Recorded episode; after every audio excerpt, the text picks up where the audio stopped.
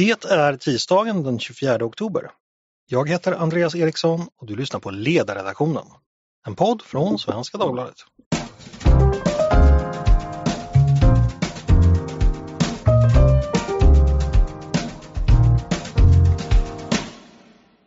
Varmt välkomna till oss igen. I förra veckan överlämnade John Hassler sin rapport om den svenska klimatpolitiken till regeringen närmare bestämt till klimatminister Romina Pourmokhtari. Det här var en ganska snabb utredning.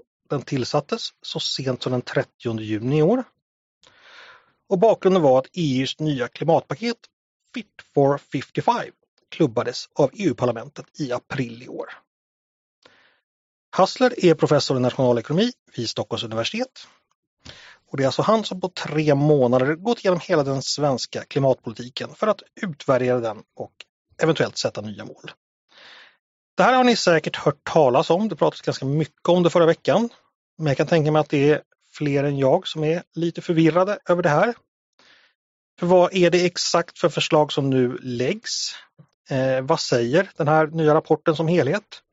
Ska vi skrota de tidigare klimatmålen nu? Och är det i så fall någonting bra eller någonting dåligt? Det ska vi prata mer om idag. Då har jag med mig två gäster. Patrik Kronqvist, politisk redaktör på Expressen. Varmt välkommen hit! Tack så mycket! Och Peter Wennblad, biträdande chef på Svenskans ledarsida. Varmt välkommen hit du också! Tack Andreas! För ovanlighetens skull i fysisk form här i poddstudion. Mm. Du brukar ju mest vara med på länk. Roligt att se dig!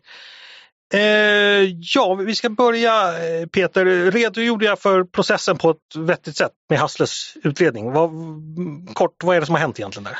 Ja, men det är ju som du sa att EU har eh, antagit en, ett nytt klimatpolitiskt ramverk. Eh, och det var faktiskt så att eh, Europaparlamentet, eller EU-parlamentet klubbade i våras, men sen var det då en slutförhandling i, i juni som liksom processen var klar. Eh, och det gjorde att regeringen bedömde att sen nu måste vi se hur våra klimatmål och vår klimatpolitiker lirar med, med EU. Mm. Och så tillsatte man, bad man Jan Hassler att titta närmare på det. Eh, för det här är intressant. Jag läste en text som du hade skrivit Patrik och då skrev du så här att i debatten framstår det ofta som att Sveriges klimatpolitik främst bestäms i riksdagen alternativt vid gigantiska FN-möten. Men i själva verket fattas de bindande besluten sedan länge i EU gemensamt av regeringen, regeringarna och Europaparlamentet. Och så är det ju, men, men, men innebär det här mycket, att mycket av det politiska käbblet mellan våra partier här hemma, är det egentligen irrelevant? Bestäms det på EU-nivå?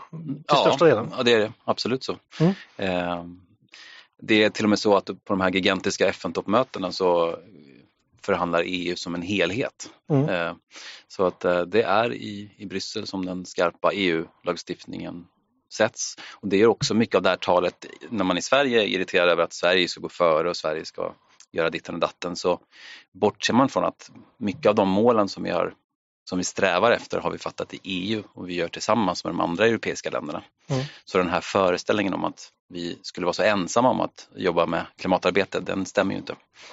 Men det här känns ju verkligen eh, som en superviktig sak som inte alls är så välkänt egentligen. Har du någon teori om varför? Ja, det är så himla komplicerat och tråkigt med EU och det är liksom väldigt svårt att veta när i processen man ska skriva om det här. Är det när kommissionen lämnar ett förslag eller är det när EU-parlamentet har sagt sitt eller är det när rådet och parlamentarikerna ska enas om en kompromiss. Det är väldigt svårt eh, att förstå den politiska processen så att det, jag tror att det handlar om om det helt enkelt. Mm. För Peter, vi har ju då dels eh, partiledardebatt i Sverige med, med kolbitar och annat. Mm. Det är spännande att skriva om. Eh, eller stora eh, FN-möten där Greta kommer seglande och så vidare. Mm. Också roligt att skriva om. Det dagliga livet i Bryssel, mindre roligt att skriva om helt enkelt. Ja, nej, men och Hassler skriver faktiskt om det själv i den här eh, rapporten att alltså, EU-perspektivet är väldigt frånvarande i Sverige. Att ofta när, det till, slu när till slut ett liksom beslut kommer ut i, så eh, blir vi lite överrumplade och att det inte finns någon vana i svensk politik och i svensk debatt att veta så här, när ska vi ge oss in i det, alltså var fattas besluten, när är det timing att bestämma sig för en linje och driva en linje. Mm. Okej, men då, då blir det det första som vi tar med oss från den här diskussionen att Bryssel är det där vi ska titta. Om vi tittar på Bryssel och tänker då Fit for 55, det låter ju som ett seniorboende eh, som Peje Emilsson anlägger i anslutning till Särö Golfklubb. Men vad är det egentligen Peter? Finns det någonting mer att säga om detta? Ja, själva namnet syftar då på att EUs mål är att minska utsläppen med 55 procent till 2030 jämfört med, ska säga, så jag inte säger rätt, 1990 tror jag. Ja, jag tror också att det är ja. mm. eh, och, eh, och sen har, så att det är därifrån namnet eh, kommer. Sen har man då det här netto noll målet för EU som helhet till 2050. Där Sverige har ett mål som är 2045. Precis, för Sveriges tidigare hade ju då också gentemot 1990, men då var det, vad var det? Ja, vi har ju också lite, det är ju otroligt komplicerat där med massa olika mål, men Sverige har också haft ett alltså, utsläppsmål i stort till 2030 och så har vi haft då det här som man kallar för det sektorsspecifika transportmålet om att mm. Eh, utsläppen i transportsektorn ska minska med 70 procent. Men så komplicerat är det inte. Vi, vi bör kunna hålla reda på det. Det är bara fyra, fem mål här egentligen. Sverige hade ett klimatpolitiskt ramverk. Eh, ska du ta det Patrik? Det är från 2017. Ja. Eh, vad, vad, vad, landar vi i då? Då landar vi i att vi ska vara eh, netto nollutsläpp 2045. 45. Och då kan man då tillgodoräkna sig en del upptag i skog och mark tror jag, och um, eventuellt också lite satsningar utomlands. Mm. Eh, men däremot så eh, har vi nog inte riktigt något mål i sig för upptaget av kol i skog och mark som man har på EU-nivå. Så att EU har en del regler som vi inte har mål för i Sverige. Mm. Men det du skriver i din text, det har gått några år sedan 2017. Då var det, det, det, var tuffa mål som Sverige tog då, men det här är också tuffa mål som nu tas för hela unionen. Mm. Ja, men på något sätt har de här svenska klimatmålen blivit lite av en helig ko i debatten och det tror jag delvis har att göra med att man var väldigt stolt över dem från politiskt håll när de fattades, för då var Sverige verkligen ett föredöme. Men med Fit for 55 så fattar EU mål som ungefär ligger i linje med de svenska. Mm. Eh, och då är det helt naturligt tycker jag, det som regeringen gjorde att man kallar in Hassler och ser ska vi inte få de här målen att lira med varandra? Mm. Eh, men jag tror att i den allmänna debatten så finns det fortfarande en bild av att Sverige skulle vara, eh, ha extremt mycket tuffare krav på, på landet än vad, vad andra länder har och, och det stämmer inte riktigt längre. Jag vet inte om det är riktigt men jag har fått lite intrycket också i den allmänna debatten eller den allmänna kritiken mot regeringen att Hasslers utredning ses lite som en, jag vet inte, en smitväg eller liksom en liten fint på något sätt. Kan man Förstår du hur jag menar? Ja men absolut för det första man måste säga att, att miljörörelsen har haft ett lite horn i sidan till John Hassler sedan tidigare. De tycker inte om hans kritik mot reduktionsplikten exempelvis. Mm. Och den tolkning som gjordes när man tillsatte den här utredningen var att okej, okay, nu har vi en högerregering här som har slopat eller i alla fall dragit ner kraftigt på reduktionsplikten, sänkt bensinskatten, inte klarar de här målen och nu vill man då skriva om regelboken lite grann. Det var den tolkningen som man eh, gjorde av det här uppdraget och som man också gjorde, upplevde jag, när John Hassler lämnade sin rapport. Men, men det tycker jag är inte en bild som stämmer. Nej, okej. Okay. Det är helt enkelt en orimlig tolkning. Ja, det tycker jag. För John Hassler är ganska hård mot regeringen. Han säger det här, det här är bråttom. Eh, ni måste ju lösa, eh, egentligen ha ett rejält program för att nå de här målen mot 2030 redan om nio månader. Så det är verkligen ingen smitväg. Däremot så eh, handlar det inte om att vi ska uppfylla just de svenska klimatmålen utan de europeiska, vilket är ungefär samma sak. Då. Mm. Eh, jag håller helt, eh, helt med om det. Alltså, han, han är tuff alltså, och det handlar om att han har ju han, vad ska jag säga, han ifrågasätter inte EUs ramverk utan så, här, så det här är det vi har att förhålla oss till och då är det de här handlingsalternativen eh, vi har. Det kan man väl säga kanske det var hans uppdrag. Sen kan det också, vi kommer säkert tillbaka till det, men det är väl lite svagheten i den här rapporten också. att Realismen i EUs klimatpolitiska ramverk är inte nödvändigtvis så väldigt mycket större än det svenska. Men du anmärker ju alltid på realismen i ja. Jag ska bara säga det, det, det Hasse skulle göra i hans utredning, han skulle då ta, ta, ta fram eh, direktiven stod det talas om övergripande principer för hur en samhällsekonomiskt effektiv klimatpolitik kan utvecklas och göra det möjligt för Sverige att nå EU åtagandet i EU-nivå till 2030 samt skapa förutsättningar för att nå Sveriges etappmål och långsiktiga klimatmål om noll nettoutsläpp senast 2045. Och, och där nämnde du ett, ett ord som jag tror är, är viktigt här, samhällsekonomiskt effektivt. Alltså, eh, där bryter ju också Hassler av genom sin väldigt, han är verkligen ekonom ute i, i fingerspetsarna och tar sig an den här frågan från ett väldigt nationalekonomiskt perspektiv. Klimatpolitiken och klimatdebatten i Sverige har ju varit väldigt mycket en tävling i de mest högtflygande ambitionerna och utopiska visionerna. Men han, är, han är väl, tittar väldigt nyktert på det här och vet att det handlar om, precis som med all ekonomi och samhällsförändring, om svåra avvägningar och svåra kalkyler.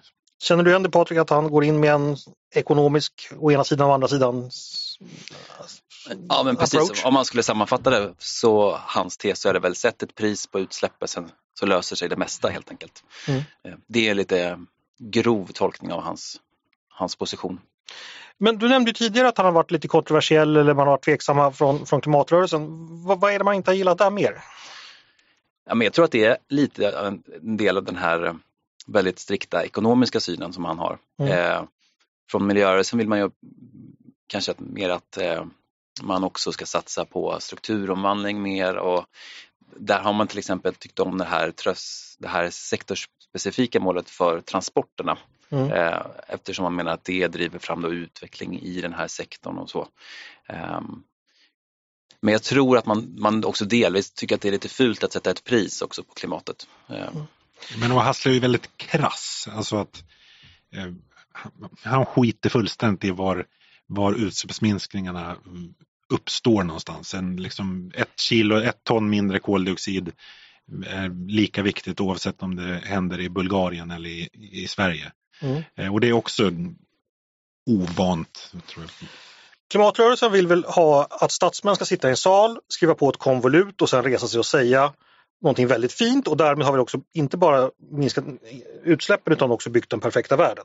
Lite den bilden har jag, det är kanske jävligt ja, elakt men... Alltså, och det, den gäller kanske politik i, i stort ja. men att politik är ju... Jo, du fattar vad jag menar. innehåller ju en, en, eh, ganska mycket magiskt tänkande. Att mm. säga, världen förändras i det ögonblick där du fattar ett beslut om att den ska förändras. Mm.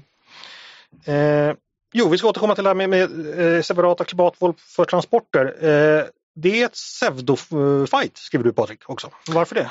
Jo, för att om man ska, om man slopar det så måste Sverige ändå uppnå klimatmål inom EU som i praktiken innebär att vi behöver minska utsläppen från tra transporterna ungefär lika mycket. Så mm. det är ingen um, det är ingen stor skillnad egentligen. Vi pratade om lite grann hur krångligt och svårt det här är men det handlar ju om också att i, på EU-nivå så slår man en del ihop det här även med andra typer av utsläpp. Eh, och det är därför det sticker ut lite grann. Så att de svenska klimatmålen innebär i praktiken att vi skulle, eh, om vi då minskar utsläppen från transporterna så mycket så hade det samtidigt medgett att vi skulle kunna öka utsläppen från jordbruket. Det Hassler ser och vill ha är ju ett gemensamt mål från de här två. Mm. Men det här med transportsektorn, har alla andra sektorer också haft separata mål i Sverige tidigare eller hur har det funkat? Nej. Nej, transportsektorn har varit särfall? Det är det enda liksom, sektorsspecifika målet. Okay. Och varför har vi haft det? Vad var poängen? Ja, jag, jag vet. Eller du sa någonting om det tidigare. Jag skulle säga att det har berott och haft en ganska bra förklaring i att vi har gjort väldigt mycket annat i Sverige. Vi tog uppvärmningssystemet. Mm. Vi, vi, har inte eldat kol så att transporten har varit en väldigt stor del av det här i en svensk kontext. Mm. Och då har man tänkt sig att det ska eh, driva teknikutvecklingen tror jag. Jag tror att förhoppningen där är lite kommer komma på skam för det är inte så att fordonssektorn är så Sverige, Sverige är inte så stor marknad för dem att det spelar så stor roll. Nej men så har jag uppfattat det som att det har funnits ett motiv att ge, ja, men precis som Patrik säger, det här är den enda lågt hängande frukten om man, som finns kvar. Men att genom att säger, gå lite före när det gäller transporterna så kan vi liksom köpa oss lite utrymme i de sektorer där vi redan har gjort väldigt mycket och där det är svårare att komma att gå snabbt fram. Liksom. Och en del starka lobbygrupper kanske också? Kanske. Jag tror också att den förra regeringens plan, och även om de inte sa det officiellt, var att om vi överpresterar lite grann på transporterna så kan vi hugga ner lite mer skog. Mm. För det medger då EU-reglerna. Men du säger ju att det här, eh, transporterna måste ändå med om, om vi ska nå de överordnade klimatmålen. Eh, och då undrar man ju så här, eh, vad säger, säger Hassler någonting speciellt om det? Vad han ser för lösning i transportfrågan? Eh, ja, han gillar ju då pris på utsläpp så mm. att han vill införa ett nationellt utsläpps, utsläppshandel i Sverige i den här sektorn som då innefattar även eh, jordbruk och uppvärmning av bostäder och transporter. Mm. så att och då är hans tes att det kommer ske på samhällsekonomiskt mest lönsamma sättet om man sätter ett pris på detta. Mm. Och för att vara väldigt extra krånglig då, det här kommer bli en väldigt lång podd idag, men så, så är det ju, EU inför ett handelssystem eh, för de här sektorerna på en ganska låg nivå och eh, i praktiken handlar det om att man ska få Rumänien och Bulgarien att börja röra på sig. Men prisnivåerna på det utsläppshandelssystemet är så låga att det kommer inte påverka någonting i Sverige. Så hans idé är att man lägger på en nationell utsläppshandel just i Sverige. Mm. Och ytterligare en anledning till att vi har det så är att EU ger varje land mål på de här sektorerna att minska med en viss eh, del. Så det är inte som när det gäller den här stora utsläppshandeln i EU att, eh, det, att det inte spelar någon roll var utsläppsminskningen sker. Det, det gör det i, i de här sektorerna. Mm, det, är, det är uppdelat per, per land helt enkelt? Ja. Okay. Men sen en annan sak som jag tycker som Hassler gör intressant är att eh, han vänder ju på transportmålet kan man säga. Alltså, det finns en bred politisk enighet om att eh, ska vi minska transportsektorns utsläpp så är det genom elektrifiering. Eh, och då menar han att då är det bättre alltså, att sätta ett elektrifieringsmål än ett utsläppsmål. Eh, för att så här, om du bara jobbar mot utsläppsmålet då skulle ju resultatet i praktiken kunna bli att här, Sverige, ja, Sverige står still, då når vi målet. Men han menar att eftersom vi, det finns en, en enighet om att det är elektrifiering, då är det liksom för elektrifieringsarbetet man måste sätta eh, etappmål så att man kommer en sån. För där har det ju ärligt talat hänt väldigt lite när det gäller liksom utbyggnad av kraftproduktion. Och, mm. Patrik, eh, du skriver också att det är ganska bråttom det här nu. Vi är i slutet på 2023 eh, och eh, vad du sa, det var nio månader eller något sånt det handlar om. Vad, vad, vad är nästa skarpa punkt i hanteringen här? John Hassler tycker att regeringen ska ha en färdig program för det här då, i juni 2024. Mm. Och det handlar helt enkelt om att EU har mål för varje år hur mycket utsläppen ska minska. Så att om vi inte får fart på det här tidigt så kommer det behövas brutala utsläppsminskningar de sista 3-4 åren på det här decenniet. Då handlar det kanske om att minska med utsläppen med 10% per år. Så det kommer bli svårt, det kommer bli dyrt så vi kommer behöva eh, göra det här börja nu helt enkelt för att man inte ska ha för mycket kvar i slutet av decenniet. Mellan tummen och pekfingret eh, att vi måste börja redan eh, ja, om nio månader, låter det rimligt tycker du? Eh, jag tror att det kommer bli jättetufft och jag tror att det blir ännu tuffare för den här regeringen som då börjar med att öka utsläppen. Mm. Jag undrar egentligen hur mycket man visste om de här frågorna när man skrev det här avtalet på Tidöslott för att eh, man sitter ju i en rävsax där som jag skriver i min text att man har de här bindande lagstiftningen emot sig. Eh, man måste få fram eh, utsläppsminskningarna. Istället så börjar man då med att öka utsläppen. Det gör ju en väldigt tung uppförsbacke eh, och jag, eh, jag, jag, tycker mig se att regeringen ändå famlar efter vad det vad 17 man ska göra för att uppnå det här. Ja, du varnar till och med för att Sverige riskerar att bli som Ungern och helt enkelt bomma målen och få, få böta. Ja, precis. Eh, det finns en sån uppenbar risk. Mm. Peter, tror du också det? Ja, mm. men jag tror i och för sig att alla EU-länder kommer att bli, bli Ungern. Mm. Eh, eh, just för att det är så, så pass ont om tid. Men jag, jag, jag är väldigt nyfiken på när regeringen, liksom, när poletten ska trilla ner. Eh, just det som Patrik tar upp. Med. Så jag är ekonom. Det handlar om att sätta pris på utsläpp.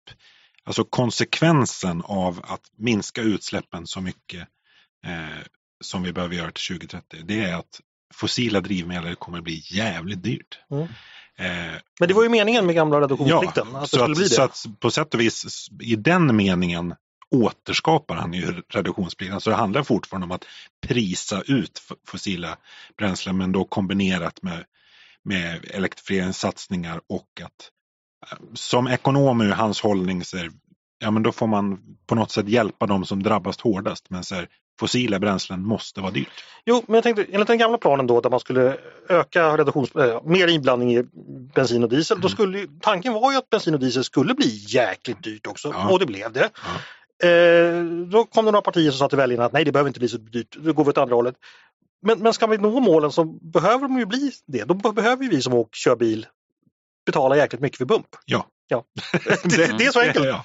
Ja det är det. Och, eh, Men sen har det gått troll just i de här bensinpriserna i Sverige. Det finns ju massa priser som har ökat väldigt mycket. Mm. Och av någon anledning så fokuserar vi väldigt mycket på just bensinpriset per liter i kronor. Det kanske beror på att de står i en halv till en meter höga siffror i vägkanten, att man, man har de här top of mind. Men man ska komma ihåg då att motorerna har blivit jättemycket mer effektiva så att kostnaden att köra en mil har ju om man ser över flera decenniers sikt inte blivit speciellt mycket dyrare. Eh, folk protesterar ju när SL-kortet höjs och säger att det här klarar vi inte men då, då, då, då höjer ju politikerna priserna. Men, men just när det gäller bensinpriserna har blivit eh, känsligare mm. av någon anledning. Ja, för hur är det där? Jag kollade upp SL-kortet. När det infördes 1972 eh, så kostade det 50 spänn. Och motsvarande till vår BNP då och nu så kostar det ungefär lika mycket nu fast det kostar, alltså inflationen är ju inte samma sak som vår välståndsökning. Vi blir ju rikare hela tiden så att det skulle egentligen kosta 450 enligt eh, inflationen. Men motsvarande till vår BNP så har det hållit samma pris.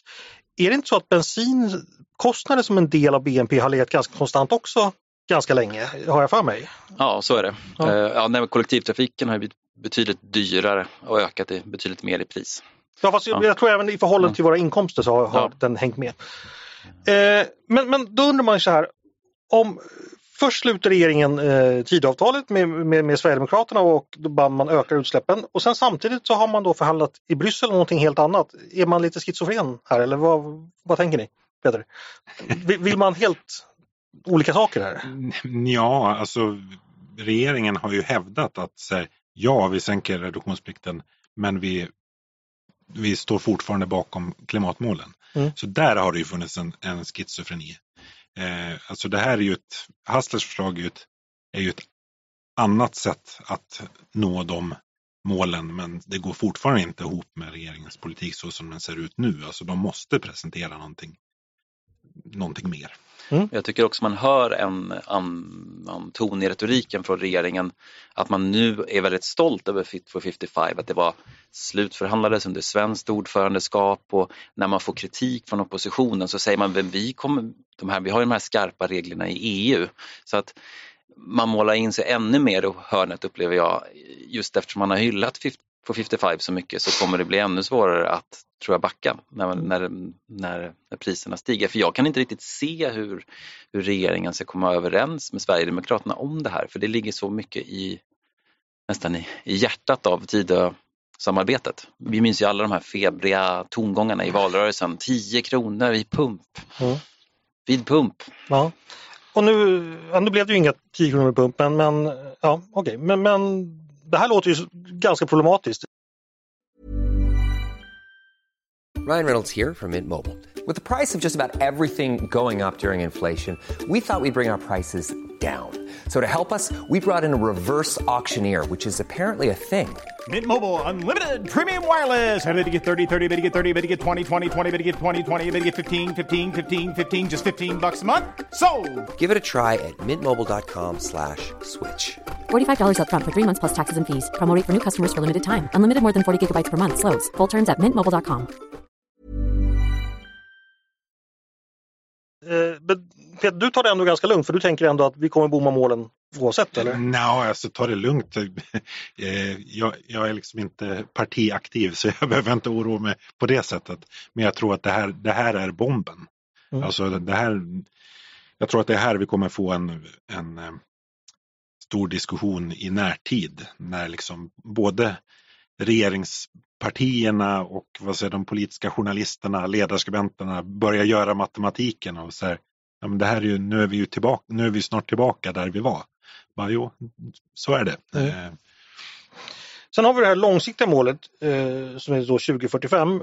Det är alltid bekvämt med mål som ligger längre fram i tiden. Eh, ligger det kvar i Hasslers utredning? Eh, eller hur är det med det? Ja, alltså, nu blir det lite tekniskt här, men rent formellt så är det här Fit for 55, det är bara en reglering, alltså ett ramverk för perioden till 2030. Eh, sen finns det då ett långsiktigt EU-mål som är eh, 2050 var det va? 2050, precis. Ja. Och där Sverige är 2045. Så att det står ju Sverige fritt att ha, ha ett tidigare årtal än vad, vad EU har. Men om vi ändå pratar om problem här mm. så ytterligare en viktig poäng i Hasslers utredning det är ju det här med inlagring av kol i skog och mark. Han vill se någon form av system där man som markägare får betalt för den klimatnytta man utför i skogen. För det innebär också det här Fit for 55 är att Sverige behöver ö, fälla färre träd om man ska vara konkret. Lagra in mer kol i marken. Så det är ju, det är ju två väldigt känsliga politiska frågor. Det är dels bensinpriserna, det är också att Bryssel är och bestämmer över den svenska skogen. Så att, eh, det är den andra debatten vi kommer få apropå det här. Men nu måste ju då, eller måste och måste, men man kan ju tänka sig att regeringen ganska snart kommer behöva fortsätta. Är, är det någon av er som har någon aning om vad, vad, vad nästa steg eller nästa beslut eller nästa alltså, akt blir? Ja, alltså nästa steg är ju alla regeringar efter att vi antog det här klimatpolitiska ramverket måste ju då lägga fram en klimathandlingsplan. Mm. Eh, och det ska då ha regeringen utlovat till i år, alltså före jul någon gång. Så det är, det, näst, det är nästa formella steg och där tror jag att liksom Hasslers utredning kommer vara stommen i, i det. Alltså jag anade ju det när den här utredningen tillsattes att det var lite grann att, att äh, lägga ut klimathandlingsplanen på entreprenad. Liksom. Mm. Men det ska bli intressant att se vad det är man kan komma, hur pass skarp det blir. För tidigare har det här varit en proposition. Nu ska det bli en skrivelse. Det är inte ett skarpt lagförslag och jag undrar om det kan vara så att hade det varit en proposition så hade man behövt komma överens med Sverigedemokraterna om det här. Ja, men det här blir mer av en informationspunkt nästan. Så att, ja, nej, men nu kan ju egentligen de tre regeringspartierna skriva in vad som helst i den där klimathandlingsplanen utan att behöva ta hänsyn till om det är parlamentariskt möjligt att trycka igenom riksdagen. Mm. Mm. Men ska man då eh, stifta lagar och, påverka utsläppen, då ska det vara parlamentariskt möjligt. Då måste det finnas en majoritet ja, bakom. Absolut. Eh, och här varnar ju Patrik för att eh, det här blir den största, sten, största stötestenen för alla i Tidösamarbetet. Går, går Tidösamarbetet på grund här tror du? Eller vad? ja, alltså, det kommer bli en konfliktfråga. Det kommer det definitivt att, att bli. Men det, är ju, här finns det ju vissa öppningar för regeringen att eh, komma överens med Socialdemokraterna. Alltså klimatpolitiken i sin helhet, ingår, energipolitiken ingår ju i Tidöavtalet men, eh, men inte klimatpolitiken. Sen är ju liksom gränserna är lite suddiga här. Men... Tror du också det Patrik att man skulle kunna vända sig åt, åt ett annat håll? Ja, om Sverigedemokraterna accepterar det. Eh, det och, jag, mm. och jag tror kanske att, eh, nu, nu killgissar jag bara, men jag tror kanske att de skulle trivas ganska bra, Sverigedemokraterna, med att ha den rollen, att, så att säga, stå utanför eh, och skälla i mm. den här frågan. Hur mycket eh, outlier är Sverigedemokraterna i klimatpolitiken? Om man liksom struntar i alla skällsord och allt sånt där. Alltså rent faktiskt, Patrik, vad säger du?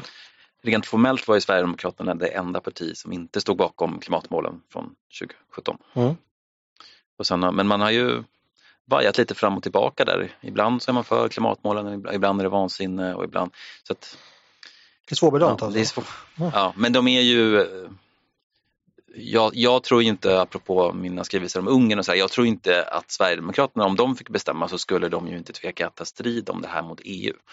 Jag tror att det är de andra delar av Tidösamarbetet som det kommer kännas mycket jobbigare att bli det här landet som eh, alldeles självklart bryter mot ja, och bestämmelser. Och där tror jag att Sverige kommer att hamna i det läget förr eller senare också. Alltså att, så, tiden går fort. Det, det, är liksom ganska snart kan vi konstatera om det ens finns en teoretisk möjlighet att nå 2030 målen. Eh, och gör vi inte det, ja, då måste vi liksom ta en, en, eh, en diskussion med, med EU. Så är det ju bara. Men du tror att fler länder kommer bomma också? Ja, men jag vet inte riktigt. Alltså, I slutändan handlar en liksom, klimatomställning, det är en energiomställning, en samhälls, enorm samhällsomvandling. Alltså den kan liksom inte tidsplaneras i detalj. Och det, det är ju liksom klimatmålens svaghet, att det är ju någon slags planekonomiskt eh, tänkande. Men länder kan ju välja väldigt olika väg. Sverige valde ju kärnkraft på 70-talet, Tyskland valde bort kärnkraften ja. på 10-talet. Alltså ja, nej, men alltså på, så, så på, ett, på ett sätt så har ju andra EU-länder eh, lägre hängande frukter genom att säga ja men vi fasar ut kol. Och, alltså energiproduktionen är Ehm, det är ju den liksom stora volymen av eh, utsläpp. Samtidigt så även det är jättesvårt. Alltså hur bygger man ny kraftproduktion i enorm skala i liksom tätt, tätbefolkade länder som Tyskland eller Belgien. Mm. Hörrni, vi ska försöka sy ihop det här lite.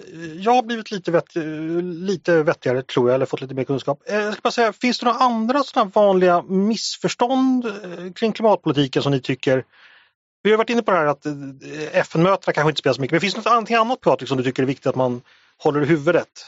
Eh, eller Peter, någonting, ja, vanliga missförstånd helt enkelt?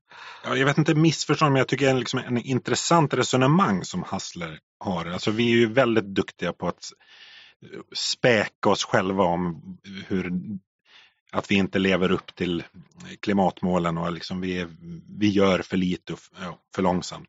Men det är ändå så att säga EUs regelverk nu, om vi, om vi följer det, så finns det nu ändå ett ramverk som liksom gör det möjligt för EU att leva upp till eh, Parisavtalet. Eh, det finns liksom mekanismer nu för att jobba vidare. Sen om de funkar i praktiken är en annan sak och det skriver Hassler också att här, verkligheten är mer komplicerad än, än eh, teorin. Men jag skulle säga att det, är ett, det är ett väldigt viktigt liksom, grundfundament som är på plats. Mm. Nej, men jag tror att uh, Peter har en poäng när han säger att det kommer bli tufft.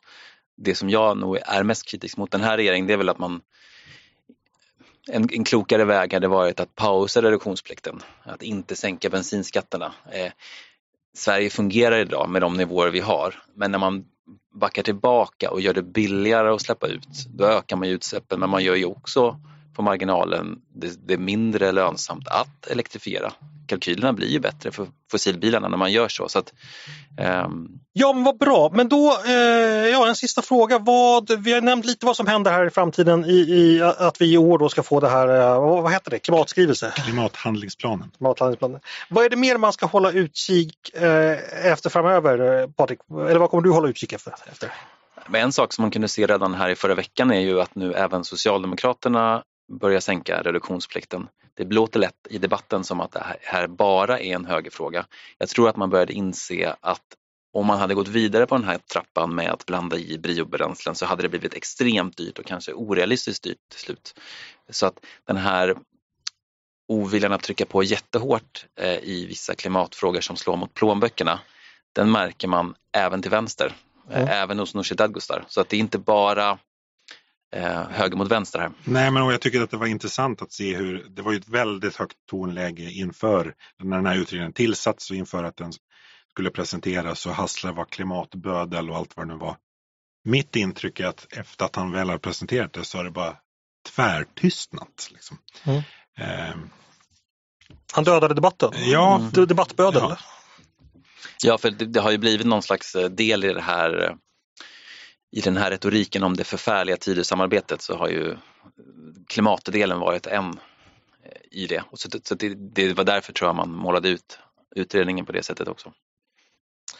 Stort tack för det och eh, ja, då har vi kommit så långt att det är dags för att tacka för idag. Stort tack Patrik Kronqvist och eh, Peter Wemblad för att ni kom och pratade med mig idag.